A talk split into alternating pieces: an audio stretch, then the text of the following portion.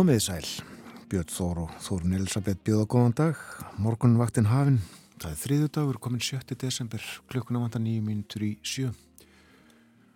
Kolniða myrkur úti, auðvita, eins og verið hefur síðustu vikur og verður, já, allavega þanga til ekki snjóar og snjór likur yfir jörðu og byrtir, byrtir aðeins til hjá okkur við það en uh, afskaplega fallett veður held ég með að segja um allt land.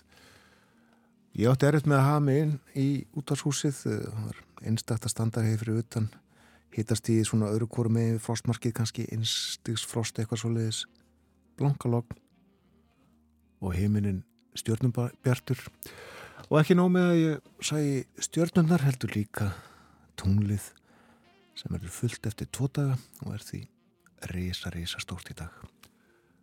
Látt á lofti frekar. Og ég hveti eiginlega fólk til þess að já, kíkja út um hlugan og hafið að tökka á að fara út í svolítið gungutúr dásanlegt að byrja daginn þannig. En hafið þá líka í huga að eh, það getur verið hálka á gangstéttum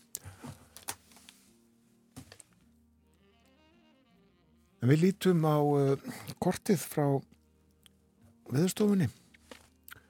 Kortið sem sínir okkur hvernig viðræði á landinu klukkan 6, formlegar veðurtölur og uh, sjáum að uh, sankanti var einstegs hiti í Reykjavík klukkan 6 og heiðskýrt logg. Öllu kaldar á kvanneri áttastega frostar klukkan 6 í morgun, norðaustan 3 metrar. Einstir siti í Stikisholmi, heiðskýrt þar, fjóri metrar. Einstir frost á Patræsfyrði og hitti við frostmark í Bólungavík. Nánast logna báðum stöðum. Og blanka logn á Holmavík í einstigs frosti, en fimmstega frost á Blönduósi. Einstigs hitti á Söðanesvita. Fjórastega frost á Akureyri skýja þar, nánast logn, logn á Húsavík einstigsfrost, einstigsfrost á Rauvarhöfn, söðvestan þrýr þar, þryggjastega frost á Skeltingstöðum, fjórastega frost á Eilstöðum, einstigsfrost á Höfni Hortnafyrði, einstigshiti á Kvískerjum, einstigsfrost á Kirkjubæðaklaustri, tveggjastega hiti á Stórhauðaði Vestmannegjum, 6 metrar á sekundu þar. Og líkt og á Kvanneri, 8 stega frost í Árnesi logn þar. Og kallt líka á hálendinu 6, 9 og jábel 11 steg af frost þar 11 steg af frost í veiðvatnarhaunni hitti við frostmark á Holtavörði heiði Og þá að spáni vestlægiða breytilega átt 3-8 metrar á sekundu í dag. Vindur með hægast á móti og uh, bjart með köplum en sumstaðar dálittar skúrir eða jél við norður og vesturströndina Á morgun norðaustan og norðan 3-8 metrar á sekundu en 8-13 með austurströndinni. Og lítilsáttar jél um landið norðaustanvert en bjartviðri sunnan og vestanlands. Frost í dag og á morgun víða á bylun 0-5 stig en sumstaðar frostlöst við sjóin. Spár gera svo ráð fyrir því að norðaustan og norðanátt verði ráðandi út veikuna og norðanáttinni fylgja jél, norðan og austanlands en verði bjart að mestu sunnan heiða. Svo segir í hugleðingum viðurfræðings að svo verðist sem þessi norðanáttar kapli verði í meinlausari kantinu. Allavega hefur norðanáttin oft verið kvassari og meiri kuldi og eða úrkoma fyllt með. En eh, það fer að snjóa í nótt, sínist mér samkvæmt spákortinu svona norðaustur hortni landsins. Svona aðalega en þetta er lítilsáttar snjókoma og uh, það eru nokkur svona tákn fyrir snjóin uh, í kortunum næstu daga en uh, ekki verðist mér það neitt sérstaklega mikið. Nei, þetta er í raun bara örf á snjókorn sem eru í kortunum. Gæti verið, en svo eru þau stundum svo litið lengi í kortunum og þá safnast þetta upp í kuldanum. Hlustum á eitt lag aðra en lengra er haldið.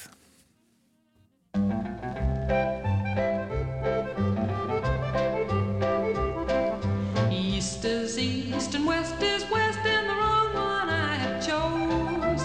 Let's go where I'll keep on wearing those frills and flowers and buttons and bows, rings and things and buttons and bows.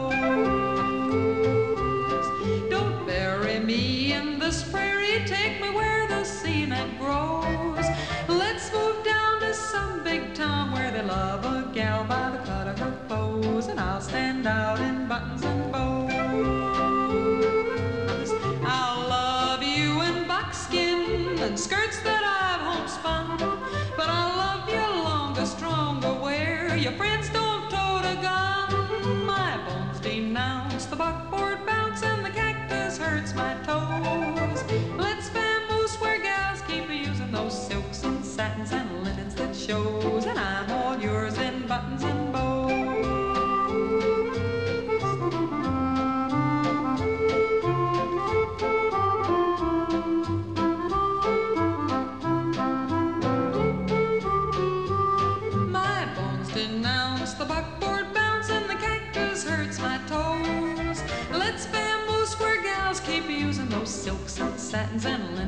shows, and I'm all yours in buttons and bows. Silks and satins and linen that shows, and I'm all yours in buttons and bows. Give me eastern trimming where women are women in high silk hose and peekaboo clothes and French perfume that rocks the room, and I'm all yours in buttons and bows, buttons and bows, buttons and bows. And flowers and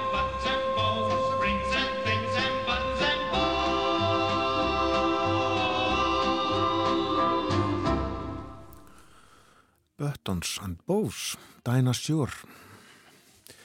Dinah Shore var uh, vinsal söngkona í heimalandinu bandaríkjunum, stjórnaði líka sjónvastáttum, fættist 1916, lest 1994 og átti á marga smelli á sínum ferli. Hún var tíkift og uh, eftir setni skilnaðin átt hún kærasta. Þau voru kærastupar þau Burt Reynolds leikari. Smá fróðlegsmúli með þessu lægi, þessari kynningu. En framöndan eru fréttir hjá okkur koma á slæginu sjö eftir uh, rúma mínútu. Förum ítalega yfir dagskrá þáttarins eftir fréttirnar. Og uh, lítu þá líka í blöðin Irland og Erlend ný og uh, eldgömmul fylgjið okkur endilega í daginn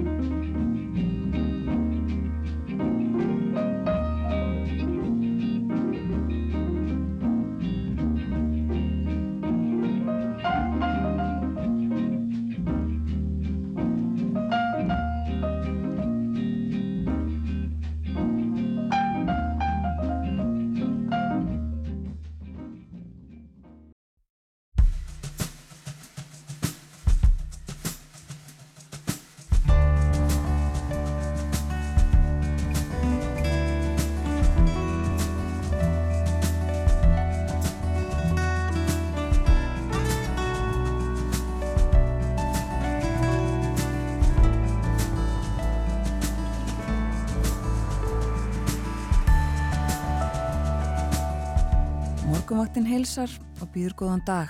Í dag er þriðju dagurinn 7. desember. Við ætlum að fjalla um hlutabref. Hlutabref í skráðum félögum hafa í það heila lækkað talsvert í verðið á þessu ári. Verðið er þó nokkuð herra nú en það var í oktober. Það er að segja herra núna í dag heldur en það var í oktober og það er umtalsvert herra en það var um mitt ár 2020. Hlutabriðaverð seiflast upp og niður, þannig er gangurinn á því sviði, en það er ekki alltaf gott að segja til um hvað veldur. Ætlum að fjalla um hlutabriðamarkaðin vítt og breytt klukkan halv átta. Gestur okkar verður Magnús Harðarsson, forstjóri kaupallarinnar. Þrýr mánuður eru liðinir síðan að mótmæli á stjórnvöldum í Íran hófust. Þrátt verið að tæplega 500 mótmælendur hafi verið drefnir og mörg þúsund handteknir hefur ekki tekist að berja hreyfinguna niður. Nú eru hafinn þryggjadaga verkföll víða um landið og fulltrúi frá stjórnvöldum sagði um helgina að siðgæðis lögreglan umdelda erðu lög niður. Kjartan Orri Þórsson bjó í Íran og kennir með Austurlandafræði við Háskóla Íslands. Hann kemur til okkar um klukkan hálf nýju og ræðir stöðumála. Artur Björgvin Bodlason verður líka með okkur í dag. Berlínar spjall á dagskrá eftir morgun frettir. Artur segir okkur frá mótökunum sem þýsku fótboltamennitir fengu við heimkomuna frá Katar. Það voru vist í samræmi við gengið. Hann tala líka um list og listaverk sem að seldist á dögunum fyrir metfið og segir okkur líka frá mönnum sem að áður þóttu miklir garpar en hafa nú verið feldir af stöllum sínum í sögunni. Umsjón með morgunvaktinni hafa Björn Þór Sigbjörnsson og Þórun Elisabeth Bóadóttir.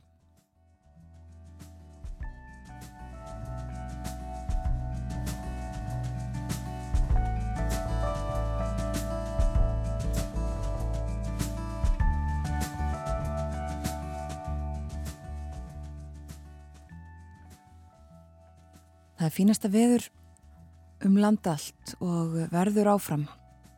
Svo við grípum niður í hugleðinga veðurfræðings. Í dag er vindur áfram með hægasta móti hjá okkur og ást- áttin vestlæg eða breytileg. Bjartir kaplar nokkuð víða á landinu en sumstaðar dálitlar skúrir eða jél við norður og vesturströndina. Á morgun snýst í norðan og norðaustanótt og vindur fremur hægur en gæjist yfir 10 metra á sekundu næri austurströndinni. Svo litil jél um landið norðaustanvert en bjart viðri sunnan og vestanlands. Frost bæði í dag og á morgun víða á bylinu 0 til 5 stig en sumstaðar frostlaust við sjóin. Spár gera svo ráð fyrir að norðaustan og norðanátt verði áfram ráðandi út vikuna með jæljum norðan og austanlands en bjart að mestu sunnan heiða. Svo virðist sem þessi norðanáttar kapli verði í minnlausari kantinum. Að minnstakosti hefur norðanáttin oft verið kvassari og meiri kuldi og eða úrkoma fyllt með. Það er hálka á þjóðvíðunum Já. og uh, líka á göttum í borg og bæjum. Já, uh, ég held að það sé bara best að vara fólku um allt land við því að allavega líta svona í kringum sig áður en það heldur á stað. Það var flughald í Reykjavík snemma í morgun að minnstakosti og uh, eru hálku tilkynningar fjölmarkar á vefvegagerðarinnar. Það eru hálku blettir á hellisið og þrengslum, hálka á kjósaskarði, krísivíkavegi og suðustrandavegi hálka eða hálku blettir á flestum leiðum á vesturlandi. Sömuleiðis hálka eða hálku blettir á öllum leiðum á vestfjörðum og nokkuð víða á norðurlandi flughálka á hófaskarði og á hálsum á norðausturlandi og hálka eða hálku blettir á öðrum leiðum sömuleiðis hálka eða hálku blettir á flestum leiðum á austurlandi og á söðurlandi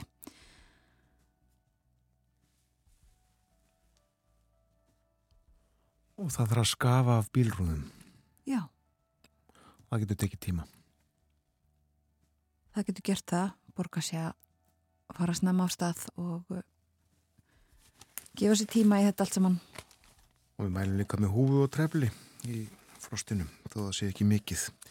Það eru fallega myndir á forsíðun dagbladana, forsíðmynd morgunblaðsins, tekin í þessu skrýtna ástandi í Reykjavík í gær, þessari þóku sem var svo þétt og uh, má sjá á myndinni unga konu hlaupa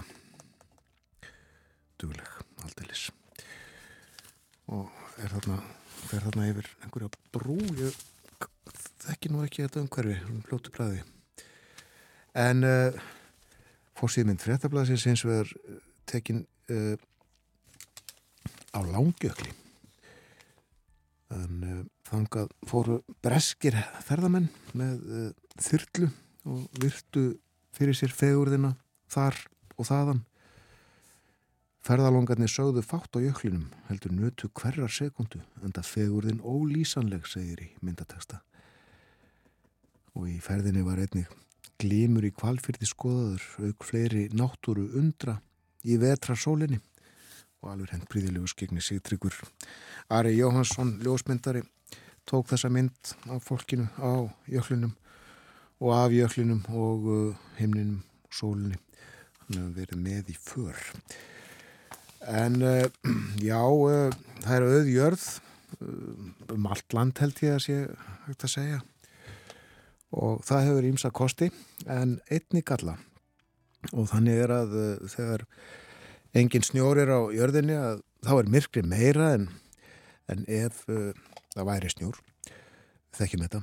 Og það byttar á gardirkjubændum sem fyrir vikið þurfa að lýsa enn meira en venjulega uh, í gróðurhúsunum sínum því að það kemur engin byrta frá snjónum sem að endurkastar sólarljósinu út um allt.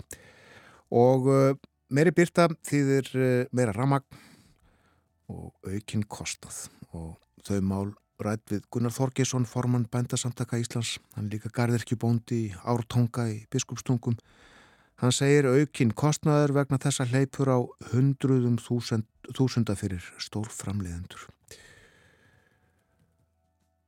Þetta eru sérstakki tímar, eh, nú er það allsvart maður, segir hann. Suma daga byrtir ekki af degi og við þurfum því flestir hverjir að lýsa að minnstakosti um 15% meira en vanalega þegar snjóa nýtur við.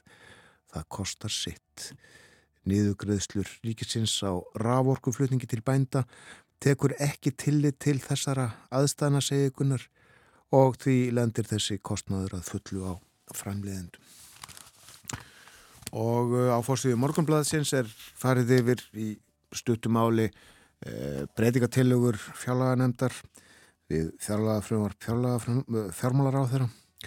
En þær voru laðar fram í gær og ég held að önnur umræða um fjárlagafrumarfi farið fram á alþingi í dag. Eh, já, fjárlög á dagskrá. Og í mislegt tiltekið hérna, uh, rætt við uh, formann fjárlaganemdar Bjarki Olsen Gunnarsdóttir, hún segir eins og kom fram þegar ríkistjórnin kynnti sínar tillögur er stærsta útgjálta aukningin til heilbriðismála en ásamt þeim eru félagsmálin stór póstur í breytingatillögunum og svo er hér tilvötnun og svo erum við líka að bæta talsvirt í ívilnanir til hreinorkubíla og stærri hreinorkubíla auk þess sem bæði lögreglan og landhelgiskeslan eru að fá mjög mikla styrkingu og ákeruvaldið og fangesismálastofnun.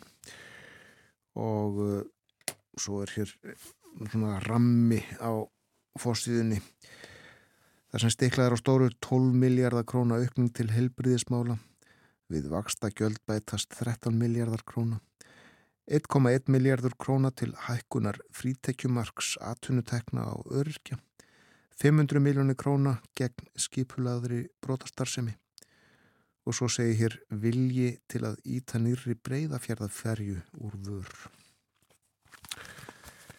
Þetta er svona helst á orsíðum fréttablaðsins og morgunblaðsins þennan morgunin. Já, hér er eitt lag.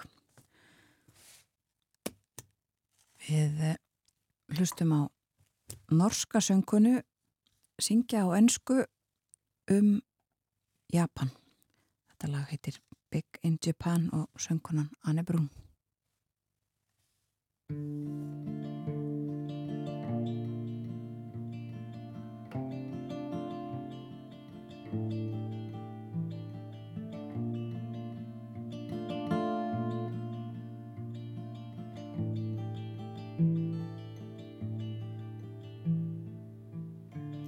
Winter city side, crystal bits of snowflakes all around my head and in the wind. I had no illusions that I'd ever find a glimpse of summer heat waves in your eyes. You did what you did to me, now it's history I see. Here's my comeback on the road again. Things will happen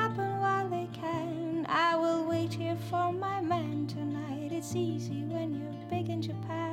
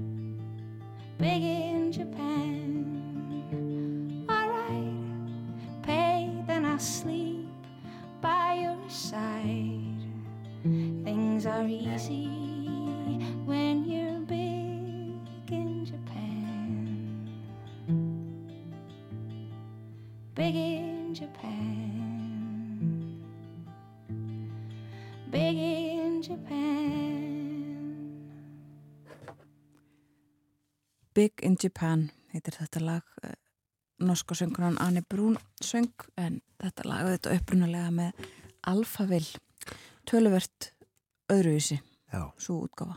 Mikill smellur á sem tíma. Já um, og við leikum þetta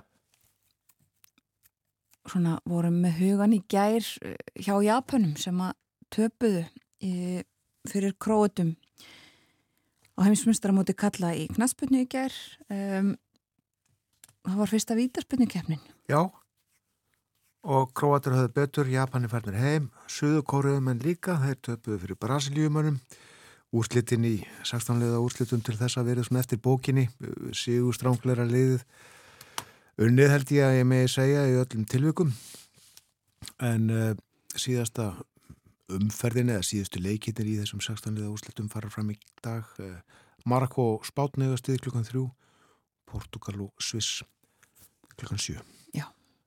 og þá kemur í ljós hvort að þetta heldur áfram allt, hvort allt verði eftir bókinni Já, væri það þá ekki þannig að Spátn og Portugal eh, kæmist áfram og myndum mætast í áttalega úrslitum jú, ég held að þau verði að telja sígu strángleiri. kemur í ljós eh, í kvöld hvernig þetta fer en við skulum halda til útlanda skoða fórsýður blaða og, og fjölmela út í heimi. Að byrja í Danmörku um, fjallaðum stríðið í Úkrænu á, á fórsýðunni á politíkan blaðið hefur fengið til sín uh, sett saman hóp sérfræðinga sem að, uh, er að velta fyrir sér leiðunum út úr stríðinu í Úkrænu um, og þessir sérfræðingar með fimm sjá svona fimm möguleika í stöðunni. Og spurningin á fórsíðunni er uh, hversu lengi getur stríðið haldið áfram og hvernig líkur því?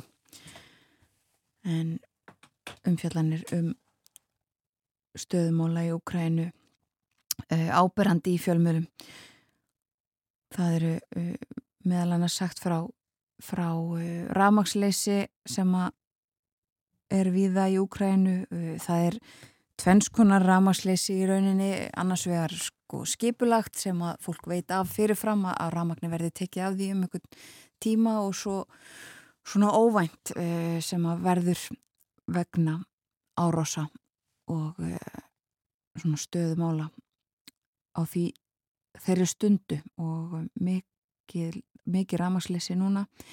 En líka fjallaðum dróna árásir sem að úkrænumenn eru sæðir bera ábyrð á á uh, flugvelli og svona fl slík mannvirki, hernaða mannvirki í Rúslandi hafa náðað uh, sagt, gera þessar árásir á innviði í Rúslandi það ekki, hefur ekki verið mikið um slíkt í, í þessu innrásarstriði að uh, það við orðið skemmtir eða, eða verið gerðar árásir á uh, Rúsland innan rúsneskra landamæra.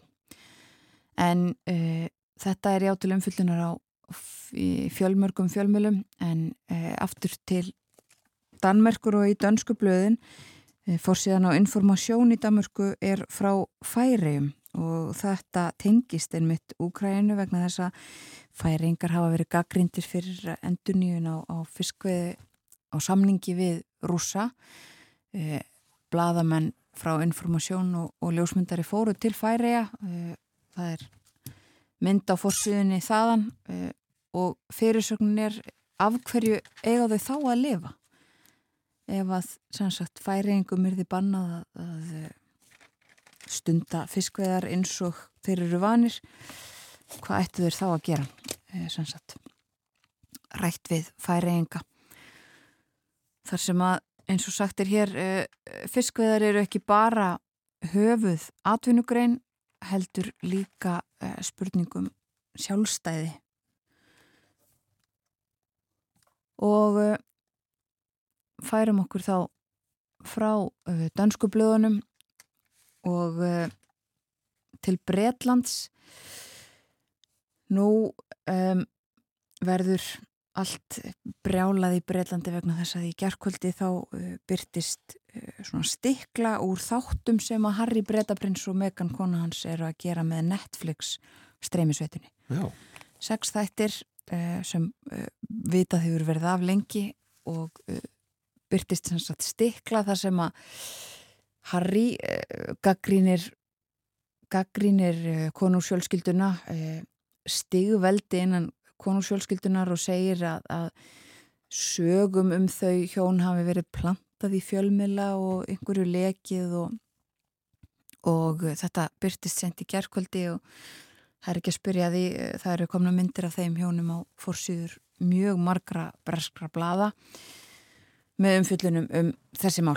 Þetta eh, fólk á ekki gott með að leysa sín mál bara innan fjölskyldunar. Nei. Þetta þarf að gerast ekki bara í viðtölum eða, eða einhverju svoleiðis heldur með heilum sjómanstáttasерjum. Já, já. Uh, og uh, þetta já, til umfyllunar á fjölmörgum fórsýðum uh, haft eftir sem sagt Harry, hann, hann saði þetta svona dirty game, þetta væri svona skítug taktík sem væri beitt þarna einan konungsfjölskyldunar og uh, þetta er eitt af stórum málunum uh, innan geðsalappa á, á forsíðunum. Um, en það eru fjölmarkar uh, graf alvarlegar frettir um, það er uh, veru verkföll í Breitlandi áfram frettir af, af þeim. Það verði mögulega verkföll í lestakerfunum á uh, yfir jólin sem að er, eru nýjar frettir Svo er frettir að því hérna alltaf með svo fórsíðun á Times að e, einum af hverjum sjö sem að leitað hafi til heimilisleiknis hafi hreinlega verið neitað um tíma. Miljónum sjúklinga vísa burt, bara geti ekki e, bóka sér tíma í heimilisleikni og aðrir e, býði í yfir mánuð eftir slíkum, slíkum tíma.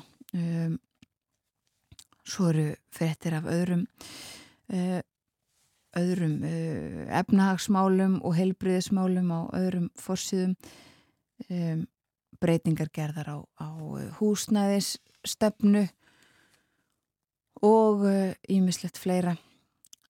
Það er uh, ekki gott ástand í Breitlandi líka fjallaðum fátækt áfram orgu fátækt fátækt fólks þarna í orgu kostnaði stig vaksandi og fleiru og uh, aðeins til bandaríkjana að fórsýðinu York Times er nú umfjöllun tölverð um Úkrænu og Rúsland en það er líka uh, verið að fylgjast með uh, kostningum í bandaríkjanum í dag sem líkur í raun og veru í dag. Það er verið að kjósa öldugudelda þingmann í Georgiu og þar eigastir við Rafael Warnock og uh, Herschel Walker.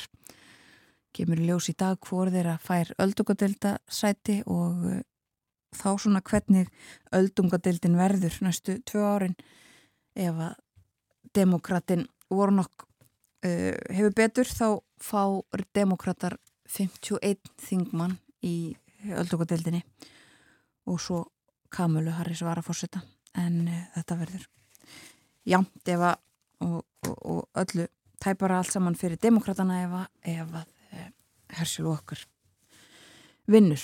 Um, það er nú hefur verið útlitt fyrir að demokratin hafi það en hann varaði stuðningsfólk sitt við því í gerðkvöldi að, að vera of bjartsind eða örugt með sig. Þetta er svona ímislegt úr Erlendu fréttanum við tölum svo þetta áfram um uh, útlund. Hér á eftir bæði Artur Björgum Bodlason og svo Kjartan Óri Þórsson verða með okkur þísk og írönsk málefni á dagskroni. Einmitt. En uh, hér rétt aftur á morgunblæðinu uh, fuglafréttir, uh, sagt frá flækingsfuglum sem að hinga komu í höst og sáust eða fundust grástelkur sást til dæmis á Melrakasléttu heimkynni hans venulega hefur í Östur-Asíu, vetrastöðunar í Suðaustur-Asíu og Ástralju þetta mun hafa verið sjötta skipti sem að þessi tegund grástelkur sést í Európu eh, einnig sást Rellu Hegri, hann var á Melrakasléttu eh, Lónamáur sást á Þórsöfn og uh, fleiri tegundir grímu, skríkja, tígultáti og heiðatillingur. En ítalega fjallaðum þetta í morgunblöðin í dag fáséðir og langt að komnir fuglar. Þorraþröstur sást líka og hellumáur. Framöndan fréttaðeflikt Þórðusnar Júliusson verður ekki með okkur í dag eins og vanalega á þrjúðdögum hann er í fríi. En uh, hér verður eftir stuttastund forstjóri Kaupallarinnar, við ætlum að tala um hlutabref Magnús Harðarsson er að koma sér fyrir við borði hjá okkur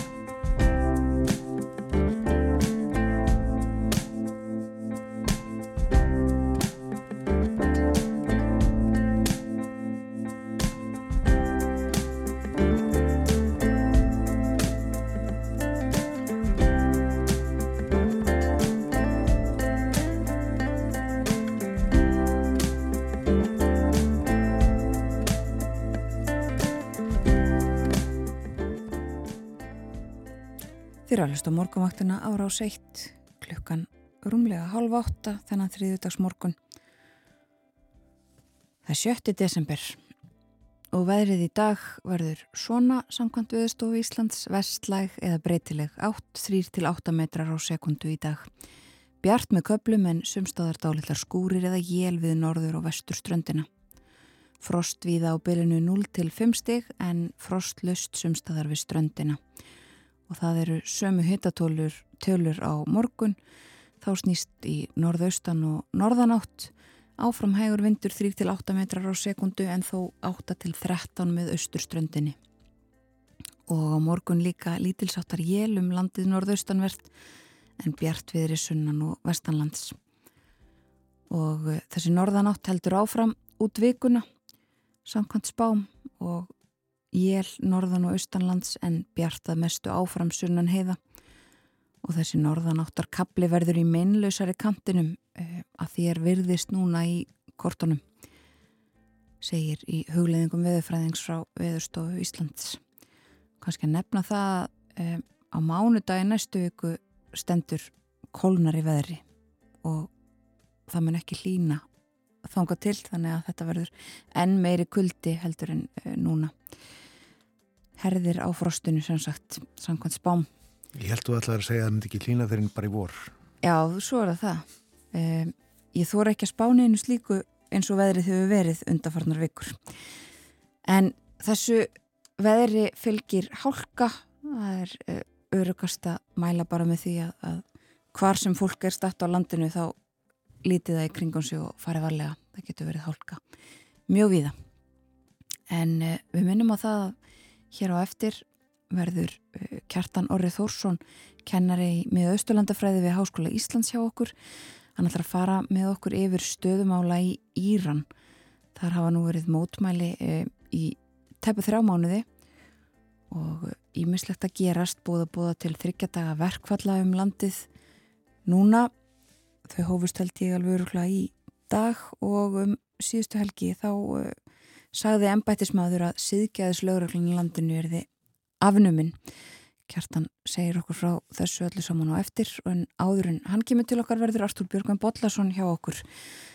Fastur liður á þriðutarsmórnum Berlínar spjallið á sínum stað en uh, annar fastur liður verður ekki í dag. Þórðusnar Júliusson er ekki með okkur á þessum tíma á þriðutum eins og hann oftast er. Einhvað síður ætlum við að tala um peningatengt mál, við ætlum að fjalla um hlutabriðamarkaði næstu mínútur, um kauphöllina, um 30 fyrirtæki eru skráð þar, í mist á aðalista eða First North, þar eru annars konar kröfur ef við skilur rétt. Saga hlutabriða viðskipta í skipulaðri kauphöll á Íslandi er stutt sérstaklega í samanbörði við útlöndu. Kaupöllin í New York er held í 230 ára og danska kaupöllin tók til starfa einhver tíman upp úr 1800, svo dæmi síu nefnd. En hlutabref voru fyrst skráð í kaupöll Íslands 1990. Hún hétt þá Verbreyða Þing Íslands. En þótt sagan sé stutt þá er hún honetalega viðburðarík. Við munum jú hrunið þá þurkaðist út nánast allt sem var í kaupöllinni.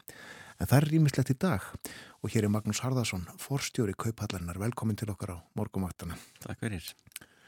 Eru mikil viðskipti með hlutabrif þessa dagana? Já, það eru tölur viðskipti, hafa aukist svona hröðum skrefum undanfarin missir, undanfarin ár. Það er núna svona daglega meðatali, komið millir 4 og 4,5 miljardur á, á dag og þetta er tölur aukning frá því að var bara fyrir Já, svona reyndir álíka í fyrra það var mikið uppgangs ára markanum.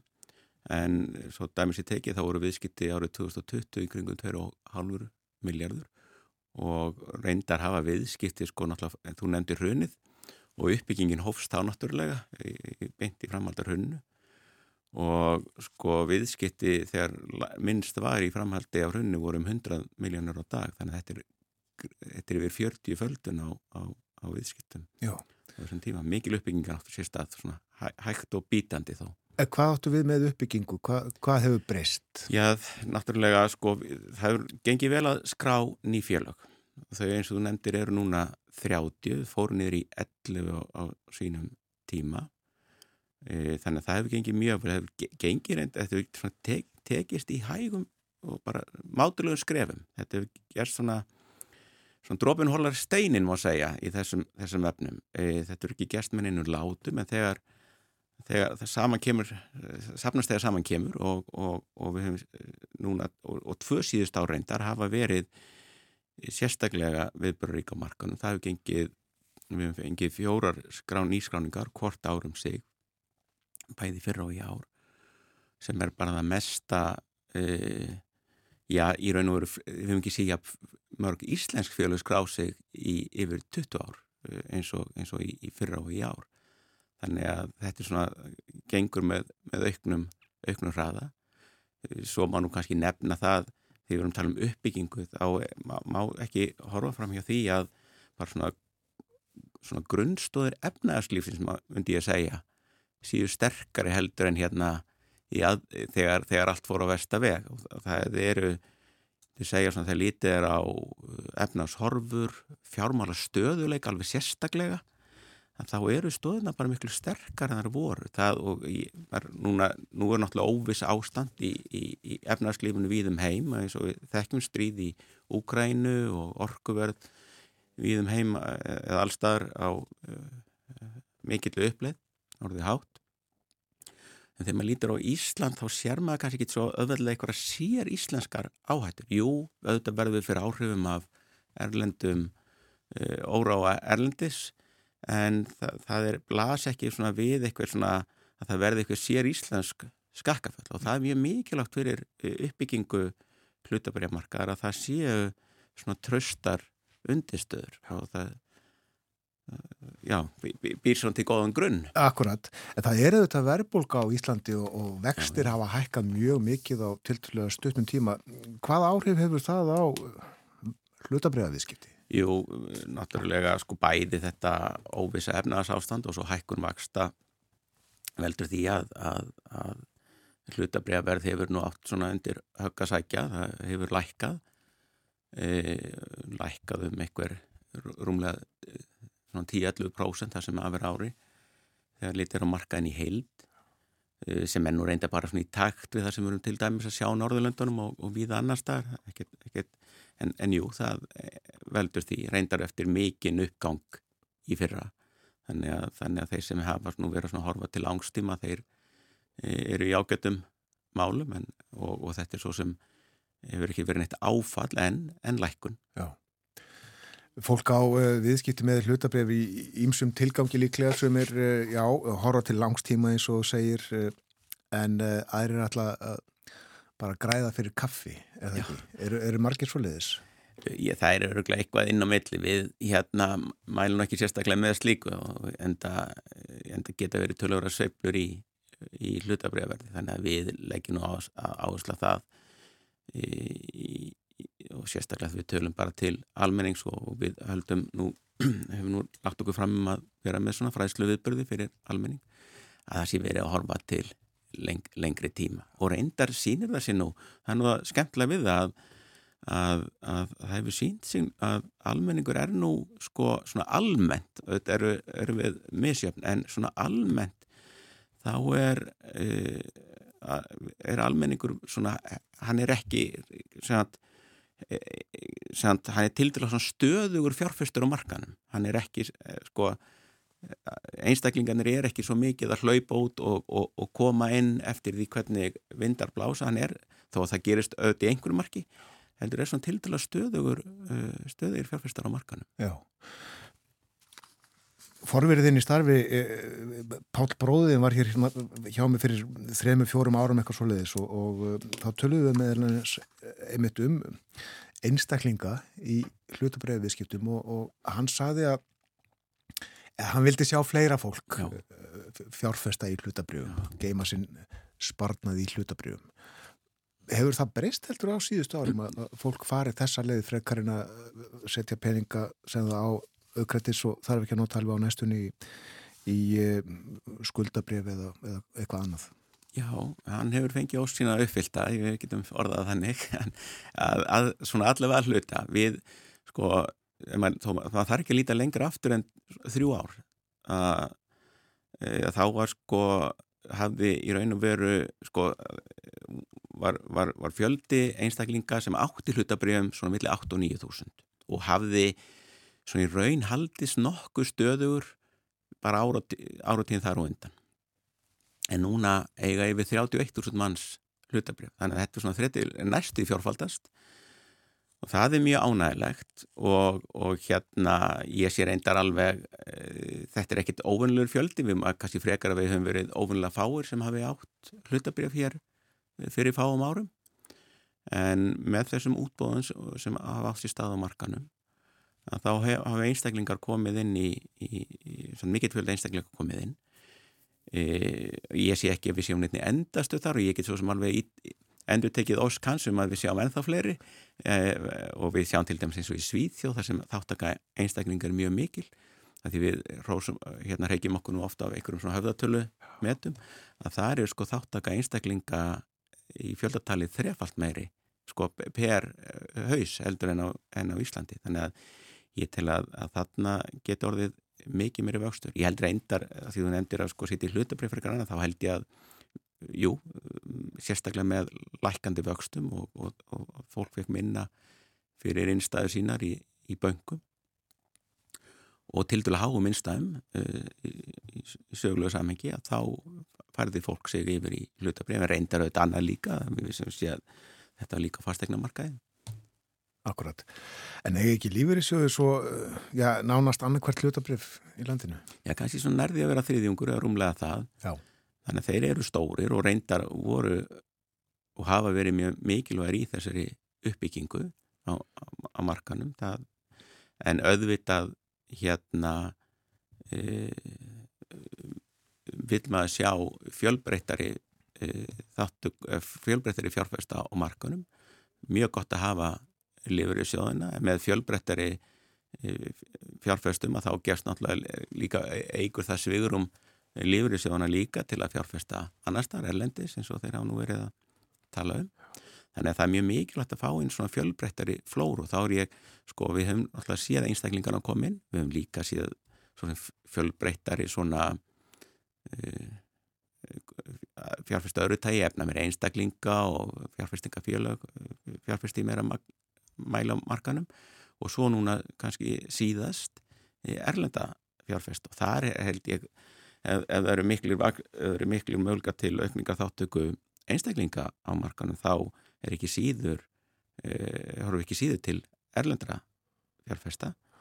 Þeir, þáttaka þeirra á íslenska markanum í dag er tiltulega lítil þeir eiga svona cirka tíung tíund, já, er tíund af, af markanum við hórum á löndin í kringum okkur Norðurlöndin að þá erum við að tala um kannski 40 til 50% sem útlendingar eiga þannig að þarna held ég að að, að við getum gert törvöld mikið betur og, og það er reyndar horfur á því að, að, að þáttakann aukist. Akkur eftir fólk í bandaríkjönum eða Þýskalandi að kaupa sér hlutabrið upp á Íslandi?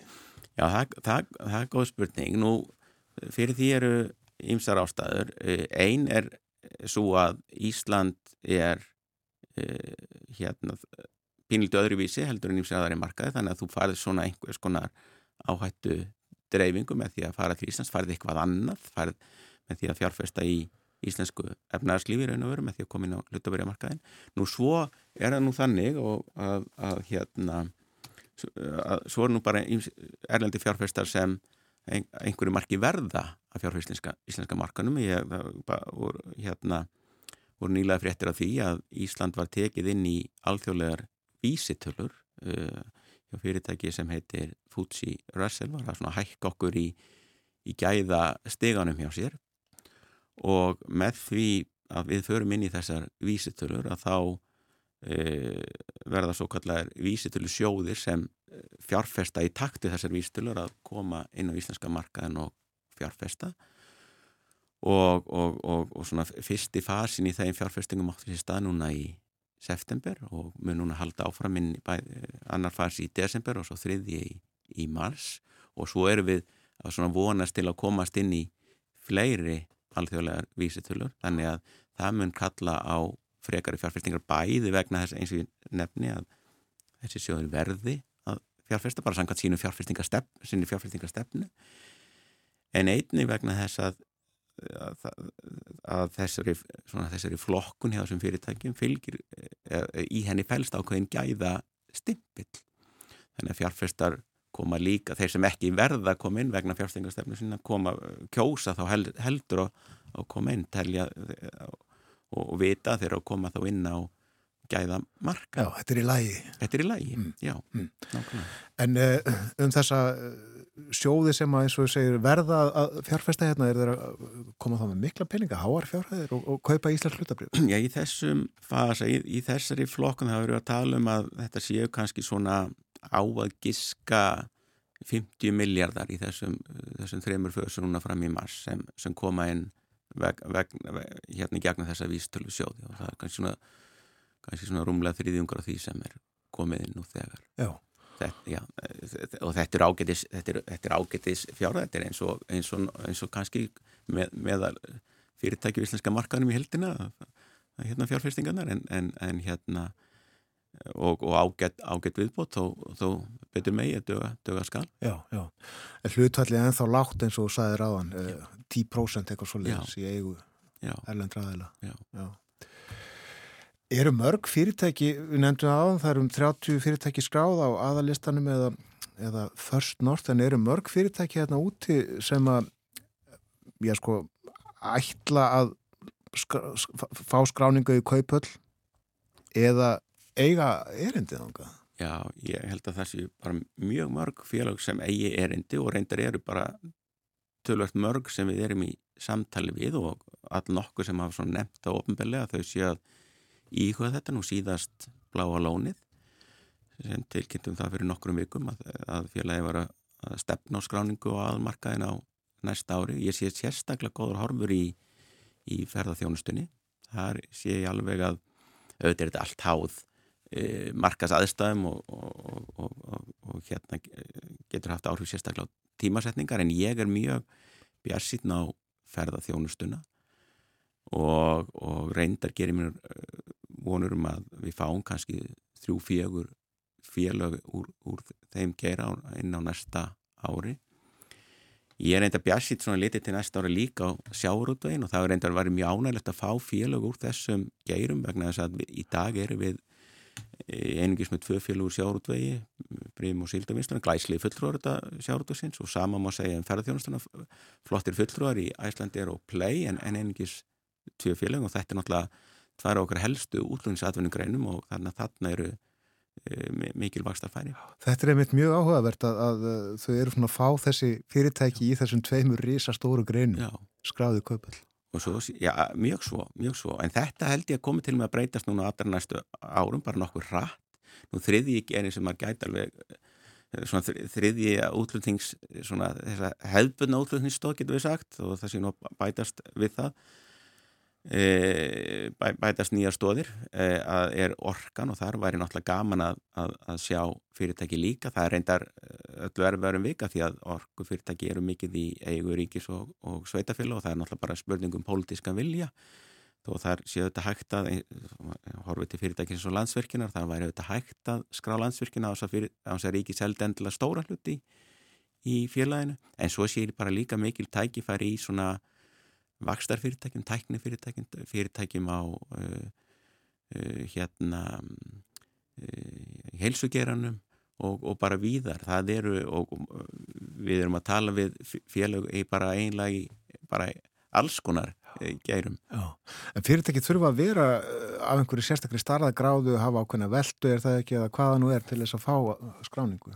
Félag getur reynda að koma inn á marka í sjálfur sér áns að hafa tekjur við vorum að fá eitt hafa tekjur, að hafa tekjur. við vorum að fá einn eitt slíkt um daginn að Amarok Minerals hérna, sem er að leita að málmum á, á, á Grænlandi. Alveg rétt. E, þannig að það, það er í sjálfsveit en félag þurfa að hafa svona ákveðin e, það þurfa að hafa ákveðina fjármögnun trygga fjármögnun þegar við komum á markaðin þau þurfa að hafa ákveðina innviði þau þurfa að geta veitt markanum upplýsingar Þannig að það er svona ákveðin umgjör sem félagin þurfa, þurfa, þurfa að hafa. En, en, en, en ekki eh, og alveg sérstaklega ekki vakstamarkanum ekkit endilega vera komin með mik mikla, miklar tekjur en eðlilega að gera sér, sér væntingar um, um tekjur. Og þannig að Við þurfum aðeins að tala hérna um, um sölun á hlutnum í Íslandsbanka eimas, bankin auðvitað skráður í Kaupöll, hafið þú eitthvað við þessa framkvæmda aðtuga? Sko, ég myndi segja sko að aðferðin sjálf, þar sé að tegundina útbónu sem þarna var nótið, er svo sem eins og hefur komið fram e, þekkt og, og var svo sem í sjálfu sér fannst mér fyrirfram ekki óeðlegt að svo aðferð væri reynd. Hún hefur ákveðna kosti, þar að segja seljandi þessu tilfelli ríkið getur hreift sig hratt og, og hérna losaðum eignar hlut sinn E, til dæmis eða metur að markasæðastöður á tilteknum tíma séu góðar og þá greipi gæsina svo morði komast. Hins vegar heldur bara reynslan síni e, af þessu útbóði ef maður var í, hérna ykkur um vafa fyrir að þegar kemur að sölu banka á Ísland og mögulega ríkisegnum í víðari, e, víðari skilningi en, en alveg sérstaklega sölu bankum að þá sé heitlavanlegast að fara í almennt útbóð. Það er einfallega e, sár sem ekki eru gróin, það eru, það eru það er skortur og trösti og ég held bara raunsaðlegin fram á við sé, sé almenn, almenn útbóð. Það sem í raun og veru e, það sem er svona jaft aðgengi að kaupum og brefum í, í, í, í þesstilulli vöngunum. Já, já. En uh, þetta mál, hafið það einhver áhrif inn í kaupöldinni með uh, viðskipti með bankan eða, eða önnur viðskipti í kaupöldinni?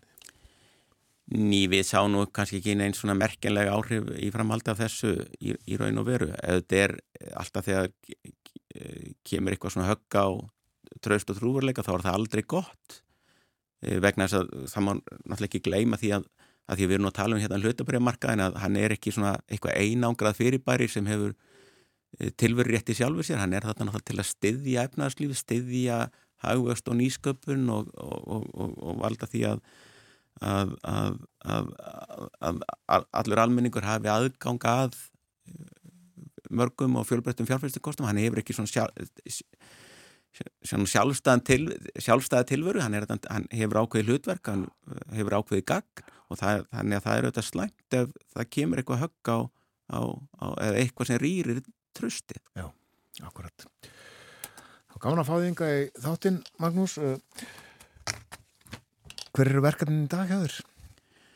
verkefnin í dag er nú bara að, að, að svona eru svona þessi sem maður er venjulega í að við nú síðar í dag munum við til dæmis taka móti e, fjármálastjórun hjá skadan fyrirtækjum og, og, og fara yfir, yfir e, verkefnin sem blasa við og, og ræða við þá en annars er þetta sísta nú okkar daglega verkefni er mikið, mikið að ræða við félag sem hafa áhugaði að koma í kaupallina og og svona hugaði hvernig við getum munnið að marka sumbótum. Já, aftur, kæra þakki fyrir að koma til okkar á morgumvaktina. Magnús Harðarsson, forstjóri Kaupallarinnar. Takk fyrir mig.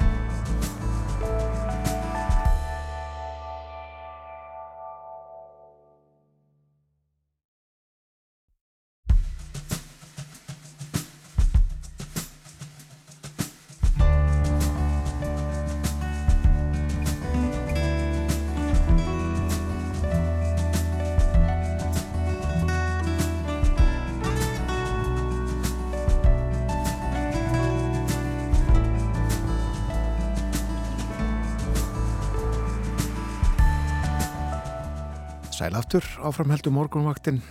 Það er þrýðu dagur í dag, komin 7. desember, klukkan farin að ganga nýju. En kolniða myrkur og uh, verður uh, í, já, eina og hálfa klukkustund held ég enn. En svo fyrir að byrta og útitt fyrir að verði bjart er það ekki viða um land, Þórun? Jú, það uh, verður bjart með köplum en sumstaðar við norður og vesturströndina dálætla skúrir eða jél í dag. En það er bjartviðri e, áfram svo á morgun og næstu daga. Verður svo satt bjart að mestu sunnan heiða næstu daga en e, svona kaplaskiftara annar staðar á landinu. Emið það. Já, uh, bjart í dag, vonandi sem víðast líklegt að einhverju muni draga glukkatjöldin fyrir glukkana klukkan þrjú þegar uh, leikur hefst. Ennett leikurinn á heimsmestramótunni í knaspinu Marako og Spán eigast við. Og uh, þjóðverjar uh, fylgjast með heima í stofu. Þeir þurfa að halla sér að öðrum liðum. Þíska liðið farið heim. Artúr Björgum Bollarsson, góðan dag. Góðan dag Hvernig móttökur fengu fókbóltamennir Þísku heimkomuna frá Katar? Þær voru ekki góðar og maður er stundum gáttaður af því hvað þjóðveri geta verið grimmir við þessa afreikmenn sína íþóttum ef þeim finnst þeir ekki standa undir vendingum. Þá er eins og almenningsáliti breytis hreinlega í hræfugl sem er að tæta þessa vestlings íþjóttamenn í sundur sem er náttúrulega svolítið skaldlegt í ynga málinn. En eftir að Þíska fókvallaliðið dætt út úr keppni á, á þessari umdeldu heimsmeistari keppni í Katar þá hafa svona, getur kallað sjálfskeipaði sérfræðingar og fjölmiðla djöblast á nafláts og liðunum sjálfu og öllum sem komu að þáttöku þýskarnas í mótunum. Þar hefur þjálfarin Hansi Flick til dæmis fengið sinns kerf að óglemdum Oliver Bierhoff, framkvæmdastjóra landslýsins.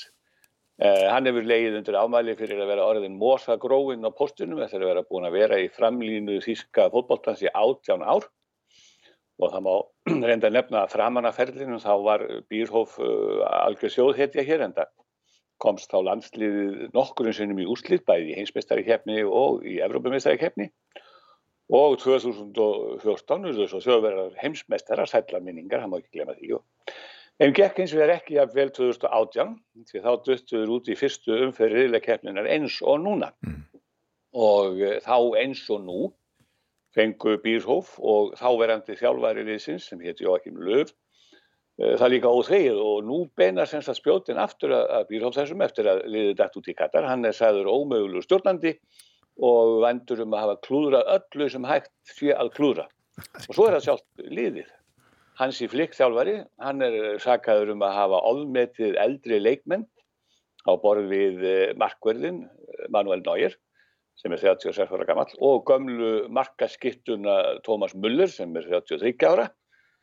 Eh, þeir eru sem báði konar á ferstusaldur sem að, svona, er nokkuð hára aldrei í boltanum og, og gaggrinni sem beinir svo að sjálfur framistuðu liðsins á uh, vellinum að hún snýst aðalega um það að, þýska vörninn hafi verið í algjörum mólum framlínan hafi verið svona nokkuð þokkaleg og, og, og óheppin þó en varlarleikurinn hafi verið algjörlega út í hött og vörninn allt og gloppótt og þar hafi nájur fyrirliði heldur ekki staðið sem skildi og, og gert sig segan um uh, vanhugstuð tilþrif og algjöran klaufaskap Já. sem ekki samræmist hlutverki uh, hans sem landslismarsparar og fyrirliða og nú ætla sem sagt fórustum með þýska knastbyrjum sambandsins að leggjast undir feld og hauglega framtíðina og og uh, hvað kemur í ljós þegar þau koma undan þeim feldi eða hvort að dómarinn, dómarinn sem er kveða það upp verður jafn afgerandi og sá sem að Þorgir Ljósvitinga góði hvað upp á þingvöldum ára þúsundar hins var alveg óvist en það er í það minnst að líklegt að einhverja mannabreitingar verði á fórustu sveið þíska fótballtalandslýsins á næstu missurum og, og þetta er nú sko þjóðverðar eru nefnilega sko að eigin mati að detta af þeim stalli sem er að vel lengi verið á sem eitt öflugasta fótball, einn öflugasta fótballtasjóð í heiminum. Og það vilja menn alls ekki setja sig við og því að þetta er mikið áfall fyrir þjóðinnisvitundina. Það er svo merkilegt að, að fótboltin er að dómi flestra félagsálfræðinga mjög stór þáttur í sjálfsvitund þýsku þjóðarinnar Já. en það gríðarlega fyrirferðan mikill í öllu þjóðalífinu. Þetta er svolítið merkilegt mál. Við höfum auðvitað rætt það nokkrum sinnum en sko þjóður er unnu uh, Kosta Ríka gerði jafntefli gegn Spánverjum og, töpuð fyrir Japan og uh, liðið uh, var jafnt, uh, fekk jafnmörg stig og spán en var með mar verra marka hlutfall. Já. Og þetta var ekkit slæm framlýstaði sjálfur sig vegna þess að að þessi síðasta Ríka stóðu sér mjög vel og, og uh, voru rómaði fyrir þokkalega framlýstuðu þar en, en síðan þegar uh, menn vöknuðu upp þegar þeir verið dottnir út af þá fór, allt, fór þessi mulningsvél af stað og þetta er svolítið merkilegt að þetta, maður er búin að vera að vitna þessu hvað þetta er annað að, að uh, þessi menn eru sko gengið í boltan með ansi vald. Þessi menn eru þjóðheitur þegar þeir fara til uh, á mótið og það var alveg gert ráð fyrir því hér að Þískaland og þjóðverðir eru heimsmeistara. Já. Það voru uh, flesti sem gerður ráð fyrir því og stemningin var þannig áður en að mótið byrjaði í Katar að þeir var bara að vinna leikið. Þetta og svona svipað eins og þegar Íslendingar senda sína söngkópa á, á, á söngvakeppni eða Európska sjóarstöða. Við erum alltaf, konur í eftir sætir lunga en að menni þeir fara frá Keflavík. En eða okkar fólk, en eh, þetta er þannig svolítið hér að, að, og það er svolítið gaman að því að við vorum að tala um að, að, að þessi, sko, það er, það er til mjög þekkt skilgreining af fótbolta á þýsku sem hljóðar einhvern veginn þannig, við þýðum hann svona lauslega á íslensku, að fótbolti er leikur sem að 22 menn eldast við uh, liðubolta og þau verður að vinna alltaf. Og uh, þetta er sem sagt þessi skilgreininga, hún er farin að verða svolítið völd, þannig að menn þurfa að fara að skilgreina boltan upp á nýtt í Þýskalandi. Þetta er þessi grind er svolítið hins vegar furðuleg vegna þess að maður hlustar á sko hvern eh, sko fótbolta snillingin eða, eða, fótbolta sérfræðingin og öðrum bara rakka allt niður sem við kemur líðinu og, og þetta er, ég hugsa þetta ánum sem við getum farið út í þjóðarsálfræði hér mikla eða það sem þjóður er að kalla fölgupsýkjólógi sem er sérstak fræðigrein hér að, þá er þetta eitthvað í þjóðarsálinni að, að þeir verða að taka eh, svona afreiksmenn nýður eða ekki standa undir vettingum. Þetta er einhvers konar, einhvers konar partur af þjóðarsálinni Já, mikla kröfur í Þýskalandi. og já. Við að færa okkur frá íþróttaheiminum yfir í listaheimin. Já, þar er nú ymislegt að gangi á segði líka og uh, á fymtudaginn í síðustu viku þá var haldið mjög sögulegt málverka uppbóð hér í Berlín hjá uppbóðshaldara sem heitir Grísbach og eftir húsa í Fasanenstrasse og þess að fara mjög mikið út í, út í gatna götu höyti í Berlín og þá er þetta gata sem að sverar Kurfürstendam eða Kúdam eins og þessi frægasta traktgata hér í uh, miðborg Vesturbellinar heitir og margir hafa gengið um sem hafa heimsótt Bellin og uh, það mun hafa verið mikil þögn og, og mikil eftirvending í salnum þegar að uppbóðshaldarinn uh, Krause heitir hann uh, bauð viðstætta að bjóða í verk eftir þíska ekspressionistan Max Beckmann. Þetta er verk sem heitir Sjálfsmynd í gildu og rósrauðu frá árunni 1943 og og fyrir þá sem ekki eru kannski inn í þýskri listasögu þá maður nefna Beckmann fættist í Leipzig árið 1884 og dó árum 1950 í New York og hann var einn af dáðustu málur um þýska ekspressionismans. Uh, hann var hins vegar ofsóttur af um, listrænum viðriðnum þýska nazistaflokksins og, og rökklaðist á endanum í útleitir Hollands uh, þar sem hann eitti stýðsarun og hann má nefna að, að það var sett upp síning á vegu nazista á sínum tíma þar sem að uh, sínd voru verk eftir þá menn sem eru nú dáðastir allra málara í dag og var kalluð end artete kunst eða úrkengjuð list. Og uh, þeir voru ná ósáttir við allar, svona, allar þá list sem við dáum á okkar tím uh, og en, en 1947 þá fekk uh, Beckmann svo Max Beckmann landvistarlefi í bandaríkjunum og bjóð þar síðustu æfi árin. Og í dag ganga verk hans kaupum og sölum og listaverku uppbóðum fyrir mjög háar fjárfúlgur. Það var þess vegna búist í því að að þessi sjálfsmynd sem að hann málaði fyrir konuna sína Matt Hildi eða Kvappi eins og hann var kölluð þegar hann var í útleið í Amsterdam árið 1943 hún færi á þokkalegu verði.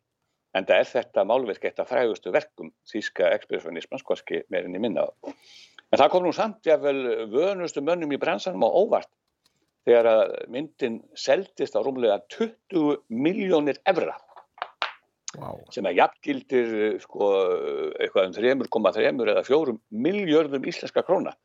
Og eftir því sem ég kennst næsta þá slagar þetta upp í verði á nýjum og fullkonum fristitóðar á Íslandi. Já. og þetta það er ekki lítið, lítið prís fyrir eina mynd og þetta mun vera hæsta verð sem að nokkun tíma hefur fengist fyrir málverk á uppbóði í Þískalandi eftir því sem næst verður komist. Og uh, þá náttúrulega spyrja menn hver er að kaupa svona mynd á þessu verði það var engasafn í Sviss sem keipti myndina, það var fulltrúi fyrir þetta engasafn á staðnum en e, viðkomandi eigandi myndarinnar, hvers sem það er eða, eða menn vita það nú ekki nákvæmlega, það var ekki gefið upp, hann var við sverju og var bara í sambandi við sinn mann. Og e, það var reynda að bæta því við að til þess að fólk svona, til þess að átta sig á þessum upphæðum sem eru í gangi á þessum listaverska markaði að þetta er samt sem áður ekki hæsta verð sem hefur fengist fyrir verk eftir Beckmann á heimsvísu. Því að árið 2017 þá var verk sem að heitir Höllir fugl eða fugglavítir og, og þykir vera merkjuð ádegla á nazismann, sett, sett á uppbóði hjá Kristís í London á korki meirinni minna en 41 miljón evra. Það er að segja tvöfalda þá upphæð sem fegst fyrir sjálfsmyndina hérna í Berlin í síðustu viku og, og, og þessi mynd fugglavítið, uh, var, uh, hann málaði hana árið 1937 til 1938 og það segir sína sögu um mat Beckmanns á ástandun í Þískalandi á þessum dögum að, vinnu heitið á myndinni var Land der Vansinningin eða Land hinna vitfyrstu mm. og uh, það var svo sem ekki skýttið þó að hann var illa þokkaður af næstistum. Nei, einmitt. Já, hugsaði 7-8 miljardar sem að fengast fyrir þá mynd. Þetta er eina, eitt málverk. Eitt málverk, já. Já. Hann var svakalegar fjárhæðir og hann lestir það ekki um miðja síðustu öll eitthvað svo leiðis? Jú, hann uh, dó sem sett uh, í New York árið 1950 Já. og eitthi það síðustu var kennari síðustu æfarun í Bandaríkjónum og uh, bjóð nú ekki nema mjög stuttan tíma það því hann fór langa 1947 og eitthi þreymur árum þar Já. og kom ekki aftur hinga til Þískanans. Nei, en það er þá líklegt að, að, að þessi mynd sem að fóra á uppbóði núna á dögunum að, að hún endi á staðar bara á heimili eða eitthvað svoleiðis í Svís? Það er ráðgáta, hún gæti, þetta gæti náttúrulega verið eitthvað engasafn í Svís sem að er ofinbert eða, eða fólk fær að sjá en, en ekki lóku fyrir það skoti þetta sé einhver auðkífingur þar sem að allar að hafa þessi sjálfsmynd af Max Beckmann bara til uh, svona sem ögna endi fyrir sjálfan sig og, og sína vini. Það er peningarnir, það eru þó að þessi verið að tala um greppu í heiminum og allt sér og vonar völa, þá eru nú til menn virðist vera sem eiga ennþá peninga. Já, og þeir eru nokkuð margir líklega í, Sviss einmitt. Gestaklega margir þar gerir það fyrir enda náttúrulega Sviss lífur auðvitað á bankastarfsfjörnum og þar eru gemd ímis auðafi sem ekki allir döðliði menn kunna skila á. Já, uh, þú myndist aðeins á götuheiti í Berlín. Við ætlum að tala svo litið um götur og torg og nafnabreitingar uh, sem að hafa svona ekki fallið neitt rosalega vel í kramið hjá öllum. Nei, það er nú þannig þegar við verðum að breyta nöfnum og göttum og torgum að þá uh, fær það svona mísjafnir undirtættis af fólki eins og gefur að skilja enganlega þeim sem búa við viðkomandi torg og göttur. Það eru þetta ekki tóðarlega gaman að því fyrir þá það fólk að, að þurfa standið sér að fara að breyta um heimilisfang á þess að flytja. Nógu mikið umstang fylgið því nú að flytja á milli staða í borgum eins og Bellin þó að fólk sé ekki að, að, að hérna, breytum heimilifang og halda áfram að búa sama stað. En uh, það hefur verið svolítið um það hér að uh, menn hafa verið að já, gera það sem að kalla leiðrétta nöfn á, á göttum og torgum. Þetta eru það ekkert einstæmi hér í Bellin, frækt er náttúrulega í bandaríkjörnum þar sem að menn hafa verið að svona steipa alls konar stittum af stöllum stýttum af fólki sem hefur átt sér vafa sem að fortíð eða, eða gert eitthvað í bæli sitt á, á fyrir öldum og þjóðverðar voru náttúrulega nýlendur þjóð á svonum tíma á 19. öldinu áttu þeir nýlendur í Afríku og þar uh, fóru þeir ekki alltaf mjög vel að ráðu sinu frekar en aðri nýlendu herrar á þeim dögum og uh, þess vegna hafa með verið svona að skoða götur hér og torg sem heita eftir mönnum sem voru illa og illa rendir á þessum nýlendu tímum og í síðustu viku vallum við spreitt nafni á tveimur stöðum í mitti, í hverjum mitti hér. Þar uh, var torg sem að uh, einhverju kannski kannast við og hétt uh, til skamstíma eða þangatir í síðustu viku Naktígalplats. Það er reyndar ekki eftir neinum eftir fugglunum nætturgalana sem heitir reyndar á þísku Naktígal heldur heldur var þetta torg skýrt eftir Gustaf Naktígal sem var mjög illrendur nýlendu kúari á vegum þjóðverja í lók 19. aldar í Afríkuríkinu Kamerún. Mm. Og nú heitir þetta torg Mangabellplats, Mangabelltorgið í höfuðuð á, á afrikanskum konungsjónum sem ég kannu ekki nefn deili á en, en hétt á sínum tíma Emilio Rudolf Mangabell.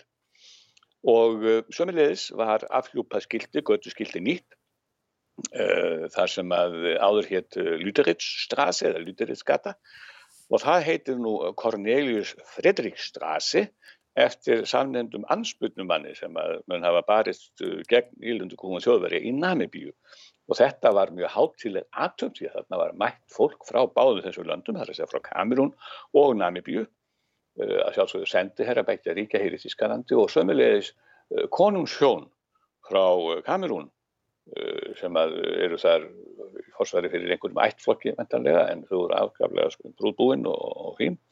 Og þetta er svona liður í því að, að laga til í göttunöfnum og, og það er aldrei, aldrei svona merkilegt að, að þetta hefur sko á, á ræðseinlega að það verið að leiðrétta söguna ef svo má segja. Og þetta hefur verið umdilt líka frá því sjónurhafni að þó að þessi menn sem að götur og torkur eru kendið við hafi, gert, uh, hafi verið svona eh, ekki kannski til fyrirmyndar í sínu lífi þá voru þeir auðvitað börn síns tíma og lifðu á allt öðrum tíma heldur en við og, og hérna til þess að taka þetta á alla leiða þá væri nú kannski aðtöðandi hvort að þeir ekki fara að endur skoða nöfn eins og eigilsköttu til dæmis í Reykjavík, eigilskallegur sem var ekkert til fyrirmyndar í sínu lífi Nei. og það hefur eitt kempa en hann vill að fræmi marga þannig að, að sko ef að farið er út í þessa salma þá Það er auðvelt að, að færa þetta absúrdum og gera þetta fáránlegt eins og sagt er. En, en þetta líður í því að, að, að svona leiðrétta og laga og vera ekki að minnast einstaklinga sem að hafa ekki verið til fyrirmyndar eða hafa gert eitthvað hlut annara. Akkurat. Eh, aðeins kannski að Þýskalandi og nýlendum, það er nú ekki fyrsta landið sem mann er dettur í hug þegar maður hugsa um, um nýlendu þjóðir, Spát, Portugal, Frakland, Belgia koma nú fyrr upp í hugan en uh, Þískaland átti sína nýlendur í Afriku Já, já, þeir áttu það og þeir hafa, en þeir áttu náttúrulega ekki kannski margar eins og þessu land sem þú ætti að nefna og voru ekki eins ábyrjandi og, og það hefur ekki verið eins mikið fjallað um þessa nýlendur þeirra en það svo sem uh, kannski ekki ástæði til en, en það er bara þannig að að hérna er söguvitundin mjög sterk og, og það á sér náttúrulega rætur í, í setni eða, eða nýjustu fortíð Þýskalands og má segja, því sem gerist á síðustu öll, þannig að menn hafa mikið verið að taka til í sínum ranni og, og þó að þetta, þó að þeir hafi ekki, þau verið hafi ekki verið neini sérstaklega uh, miklir nýlöndu kúara með margar aðra sjóður, skulum við segja, að uh, þá vilja þeir sem sagt hreinsa þessi verksummerki í burtu og er sérstaklega, sérstaklega ábyrjandi hér hvað mönnum er umhugað um að að fjarlæga öll merki um uh, vafa sama kapla í fórstíðinu það á sína rættur eins og segi í setni tíma sögu Þýskanans. Einmitt. Kæra þakki fyrir í dag, Artur Björgum Vollarsson. Við heyrumst aftur eftir viku. Takk sem er leiðis. Artur Björgum Vollarsson með Berlina spjall hjá okkur á morgunvaktinni á þriðutugum eftir morgunfréttinnar. Já, eh, þýska landslið fór heim, fjall út úr riðlakeppninni, aftur, það gerist líka fyrir fjórum árum og eh, já, allir brjálaðir bara og uh, leitað sökudólgum og reyna að finna, finna þá ímist með leikmanna eða í þjálfaranum eða fóristu þýska knaspinu sambansins en uh, þjóður er þeir uh, þurfa þetta að fylgjast bara áfram með mótinu halla sér að öðrum liðum. Þau, þeir eiga nú nokkra nágranna sem enn eru með uh, frakkar auðvitað og uh, Sviss spilar í dag og svo eru hollendinga líka konur áfram. Akkurat. Annarlið sem fór heim var íranska landslið sem að vakti miklu aðtikli liðið neitaði að syngja þjóðsöngin fyrir fyrsta leiksinn á mótinu og eh, var hart tekið á því. Já, minnstakosti sungu þeir í setni tveimur leikjunum. En uh, það, þessi svona mótmæli voru ekki nóg fyrir marga þá sem að nú mótmæla í Íran. Uh, þar var fagnað þegar að íranska landsliðið fór heim. Við ætlum að tala um Íran hér eftir fréttaeflitið Kjartan Orrið Þórsson kemur til okkar og segir okkur frá því nýjasta þar en fréttaeflitið er næst á dagskrá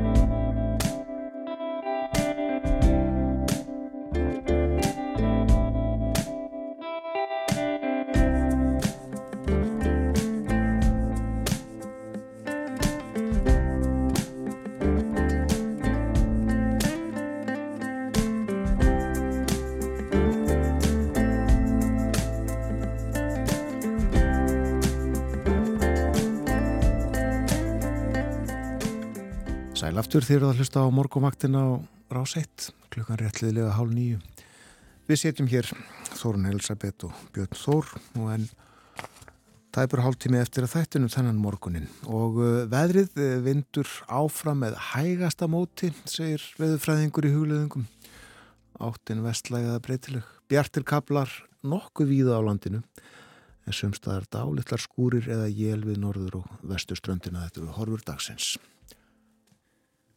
Og eins og við nefndum áðan þá ætlum við að verja síðustu mínútum morgunvaktarinnar, síðasta viðtalinu í það minnsta í Íran. Við ætlum að ræða um stöðumála þar. Það eru tæpir þrýr mánuðir liðnir síðan að mótmæli hófust gegn stjórnvöldum í Íran og uh, þremur mánuðum síðar þá eru þau enn í gangi þrátt fyrir að tæplega já, 500 mótmælendur hafa verið drefnir og mörg þúsund handteknir og ímislegt sem að gerst hefur svona síðustu daga fréttir sem hafa borist.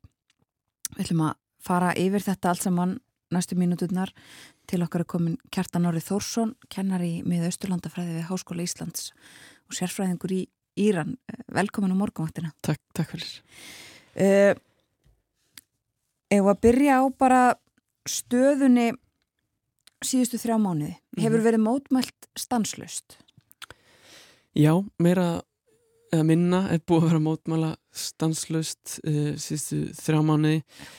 Um, og, og verðist ekkit vera sko lát á því og, og kannski, já, það er bara ennþá í gangi einhvern veginn og, og, og hérna, við sjáum bara fram á að það haldi áfram. Já, ef að rifja hans upp hérna eh, svona það sem að var, varð valdur að þessu mótmæla þessari mótmæla öldu Já, já, eh, við getum gert það.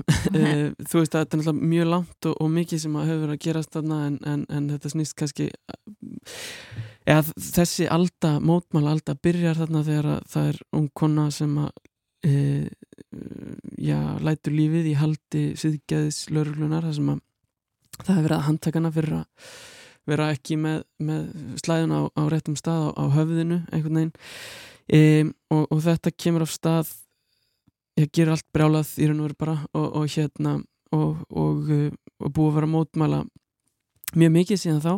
Uh, og stjórnvöld hafa hérna, tekið harkalega á, á mótmælendum og verið mjög mjög svona harkalega hérna, orðræðu. Uh, þingmenn til dæmis hótað því að eða svona gefa út einhverja yflýsingum um að það er bara að taka á mótmælendum með döðarefsingu í, í raun og veru þannig að hérna ég staðan er alvarleg Já. og þetta er hérna bara rosalegt Já, það voru mitt einhverja fréttir og, og svona gerist einhvern veginn á, á, á samfélagsmiðla öld og þar sem að við höfum ekki kannski óháða fjölmiðla eða, eða Mhm. aðgengi að upplýsingum að því þú nefnir einmitt þetta, það var svona eh, einhver alda þar sem að kom fram á samfélagsmiðlum eh, það er búið að taka ákvörðun um það að, að allir mótmælendur, allir sem eru handteknir verði teknir af lífi en það, það er ekki þannig eða það. Í raun og veru ekki um, að þú veist það sem að ég er að vísi hérna að var að vísi hérna áðan er, er að, að þingið í raun og veru samþykir einhvers konar þingsályktunar tillögu eða ég veit ekki hvað við getum kallað um, þar sem að þeir mælast til þess að, að hérna að þessir, já þá voru það held ég 14.000 mótmælendur sem að búa handtaka þeir eru fleiri núna að, að þeir yrðu teknir af lífi en, en þeir raun og veru hafa ekki völdin til þess að það er kannski meira tákgrænt heldur en, heldur en eitthvað annað. Já, þannig að við erum kannski ekki ennþá komin þangað að þessi búið að dæma 14.000 manns til dauða. Nei, en við erum einhvern veginn uh, þú veist það er klálega verið að hræða þá sem að er að fara á göttunar og, og, og hérna að, að mótmæla og, og, og reyna að segja sínar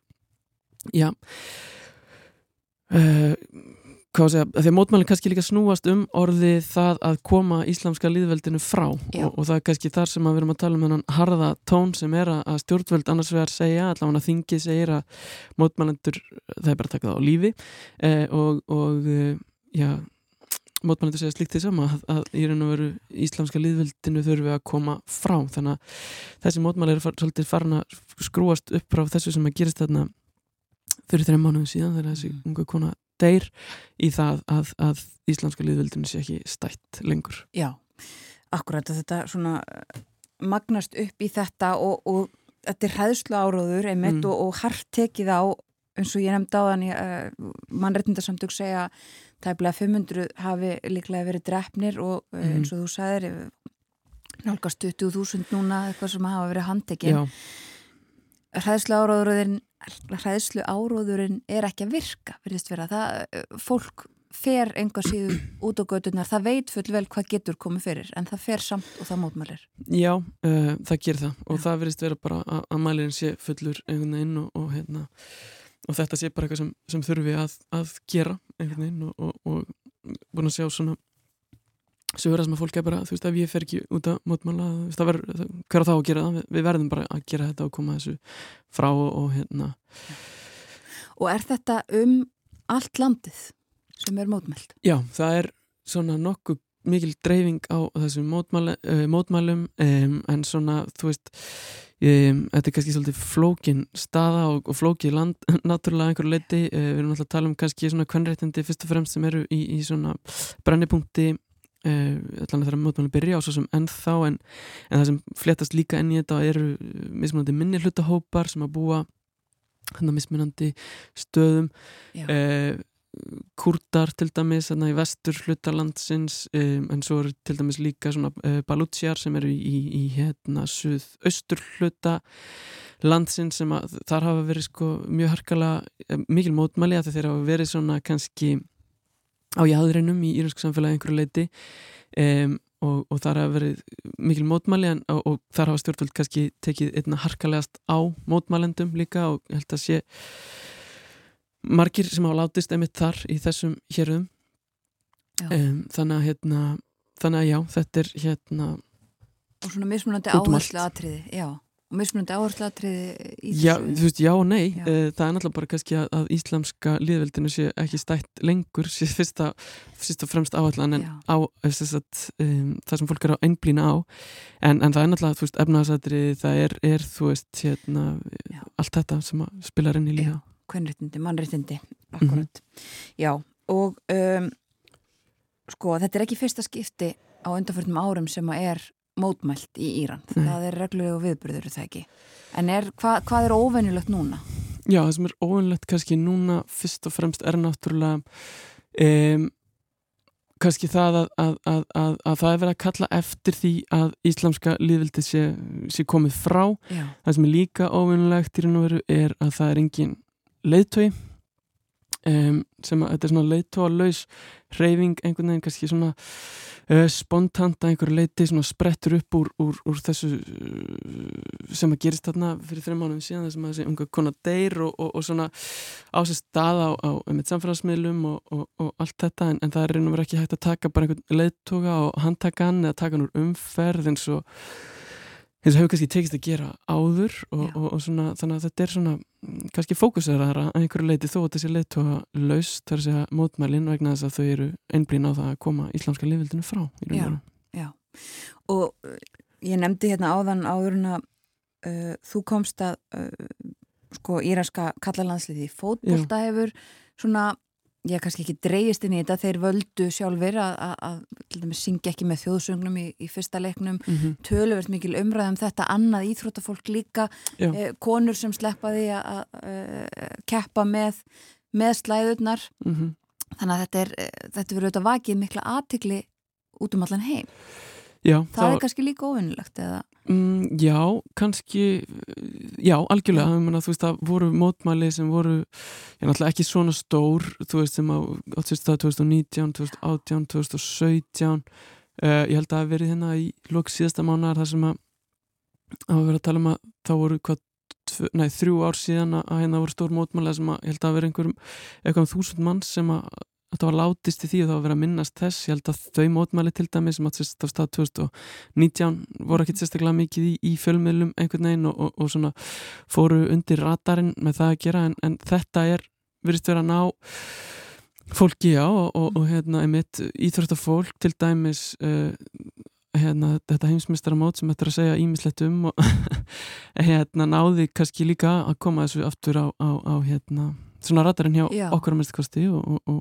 mæntalega mörgum fleirum líka. Já, já, og þetta er kannski nefnir það líka mótmælt í, í stúkunni, það er sjást mótmælendur eh, í rauninni þar líka. Já, þetta var algjört svona primetime mótmæli í raun og veru sem að duttu þannig í, í, í kringum þetta og, og þú veist, bara margar fyrirsagnir sem að koma inn bara hér á Íslandi, einhvern veginn íslenskum fjölmjölum sem snýrist um þetta sem að hefðu eflust ekki komið inn. Og það var til dæmis að tala um þau það hefði ekki sungið þjóðsöngin hann í fyrsta leiknum uh, og svo, já, einhverjum mótmælandi voru betur hörku þarna í, í, í hérna áhörandastúkunni Já. Og skiptir þetta máli?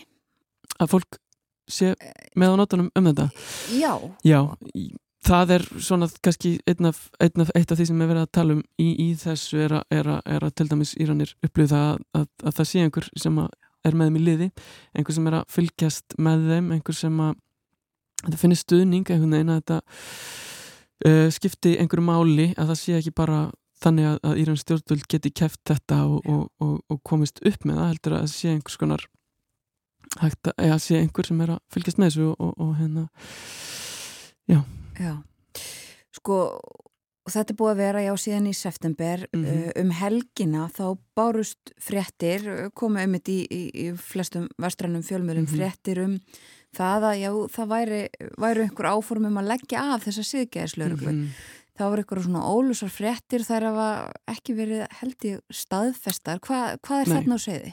Já, þær eru ekki staðfestar af því sem ég kemst næsta minnstu kosti. Það sem að gerist er að, að það ásist stað einhver blaðamannafundur uh, í Íranna sem að uh, ríkissaksóknari sittir fyrir svörum og blaðamæður spyr hann hvers vegna þessi síðgæðislurgla hafi ekki sérst á gödunum síðan þannig í september einhvern þegar þetta á sér stað og, uh, og, og hann svarar á einhvern svona mm, skrítin hátt, ég held að hann segi að, að, að að þessi síðgæðs laurugla hafi svona mætt skapara sínum einhverju leiti þessi síðgæðs laurugla er hérna í raun og veru stopnuð 2005 eða 6 Já, uh, í raun og veru þetta batteri um, en, en, en í raun og veru fyrir það var bara annað batteri sem að, að framfylgdi þessum hérna, kröfum að fólk ætti að vera klætt á ákveðin há- hátt.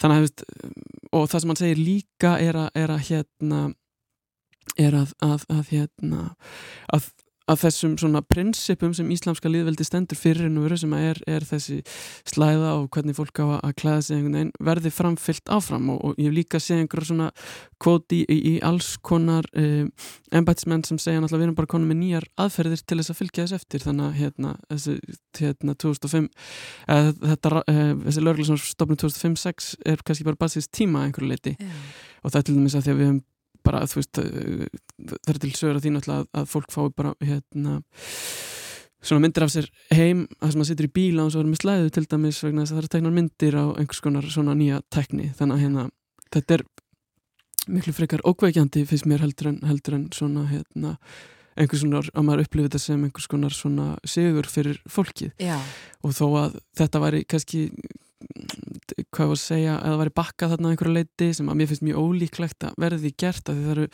hafa verið mjög svona stórar yfirlýsingar um að, um að sko hijabin sé nú bara flagg íslamska liðveldisins og við munum ekki láta það að falla einhvern veginn.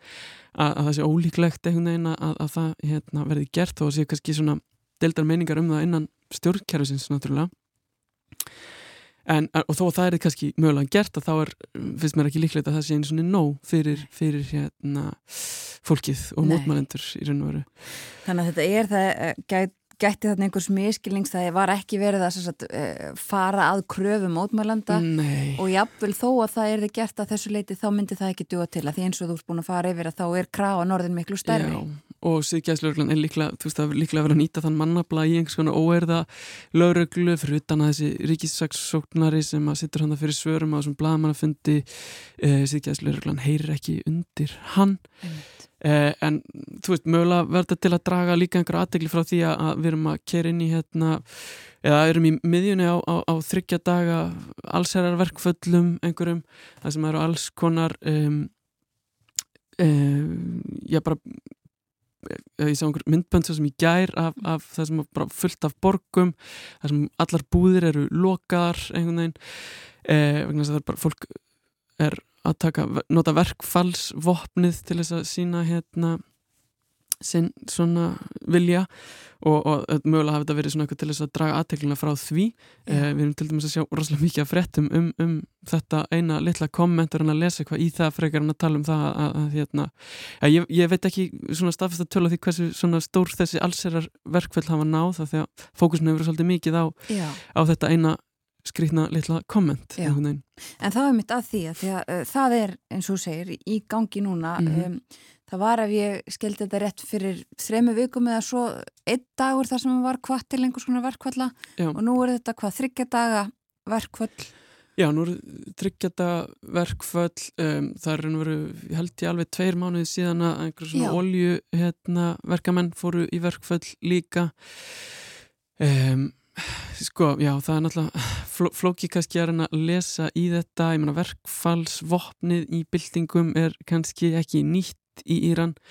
Um, og þá getum við hort til hérna, byltingarinnar 79 en, en þegar við gerum það verðum við líka kannski að horfa til þess að samfélag, samfélag Írans samfélag árið 2022 er allt, allt öðruvísi heldur en 1979 og, og, og náttúrulega núvarandi stjórnvöld eru mjög meðvitið um þetta verkfallsvopn það sem það var notað í byltingunni Já, og kannski svona yðnaðurinn allir saman aðeins öðruvísi um, svona, já, efnaðurinn kannski allt öðruvísi þannig að hérna, maður veit ekki hvert, hvert það leiðir en, en, en það sem að ég verið að sjá og komist í allan núna er að, er að þetta verðist vera nokkuð dreift yfir einmitt all landið um, þessi verkfall þessi verkfall já. Og þau eru í þrjá daga Mhm. eh, og, og eins og við höfum farið yfir, þetta er búið að standa síðan í haust, eh, tölvöld langan tíma. Mhm. Hvernig, já, hvernig lítur framhaldið út?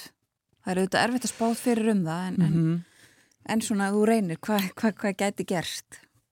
Já um, Ég veit ekki Ég veit ekki hvernig eða, þú veist Já, að því að sko það er svo mikil harka í þessum mitt um, mótmælendur verðast ekki vera að gefa sig Írans stjórnvöld verðast alls ekki vera að gefa sig með eitt neina eitt en við getum líka svo sem hort í að þú veist um, ef við höldum áfram að tala um byltinguna 79 til dæmis að, að, að þá tók hún einhverja 15 mánuði eða eitthvað líka.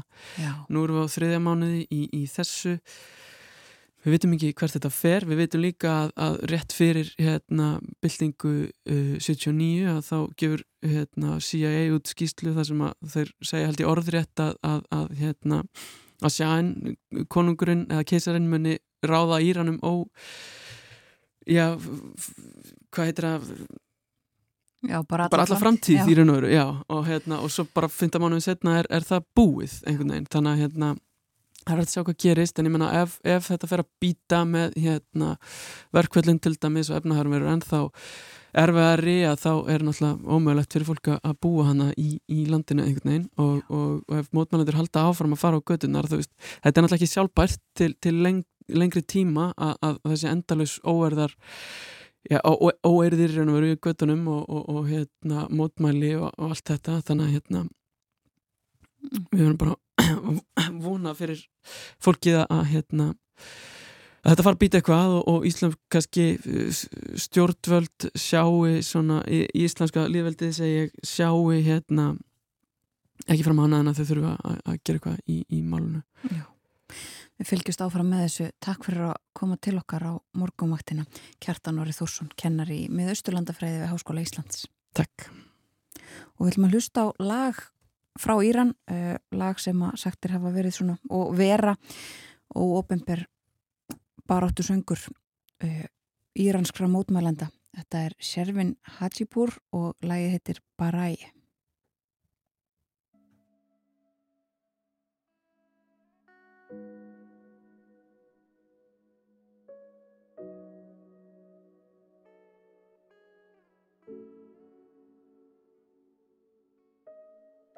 برای توی کوچه رقصیدن برای ترسیدن به وقت بوسیدن برای خواهرم خواهرت خواهرامون برای تغییر مغزها که پوسیدن برای شرمندگی برای بیپولی برای حسرت یک زندگی معمولی برای کودک زبال گرد و آرزوهاش برای این اقتصاد دستوری برای این هوای آلوده برای ولیعصر و درختای فرسوده برای پیروز و احتمال انقرازش برای سگهای بیگناه ممنوعه برای گریه های بیوقفه برای تصویر تکرار این لحظه برای چهره ای که میخنده برای دانش آموزا برای این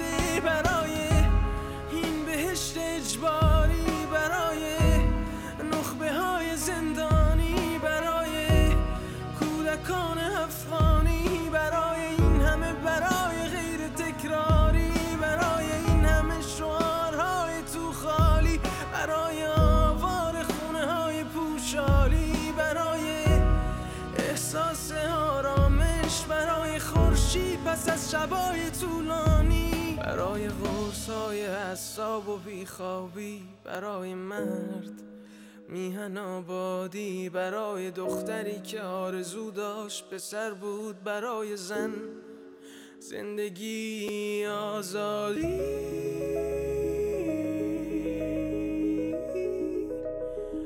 برای آزادی.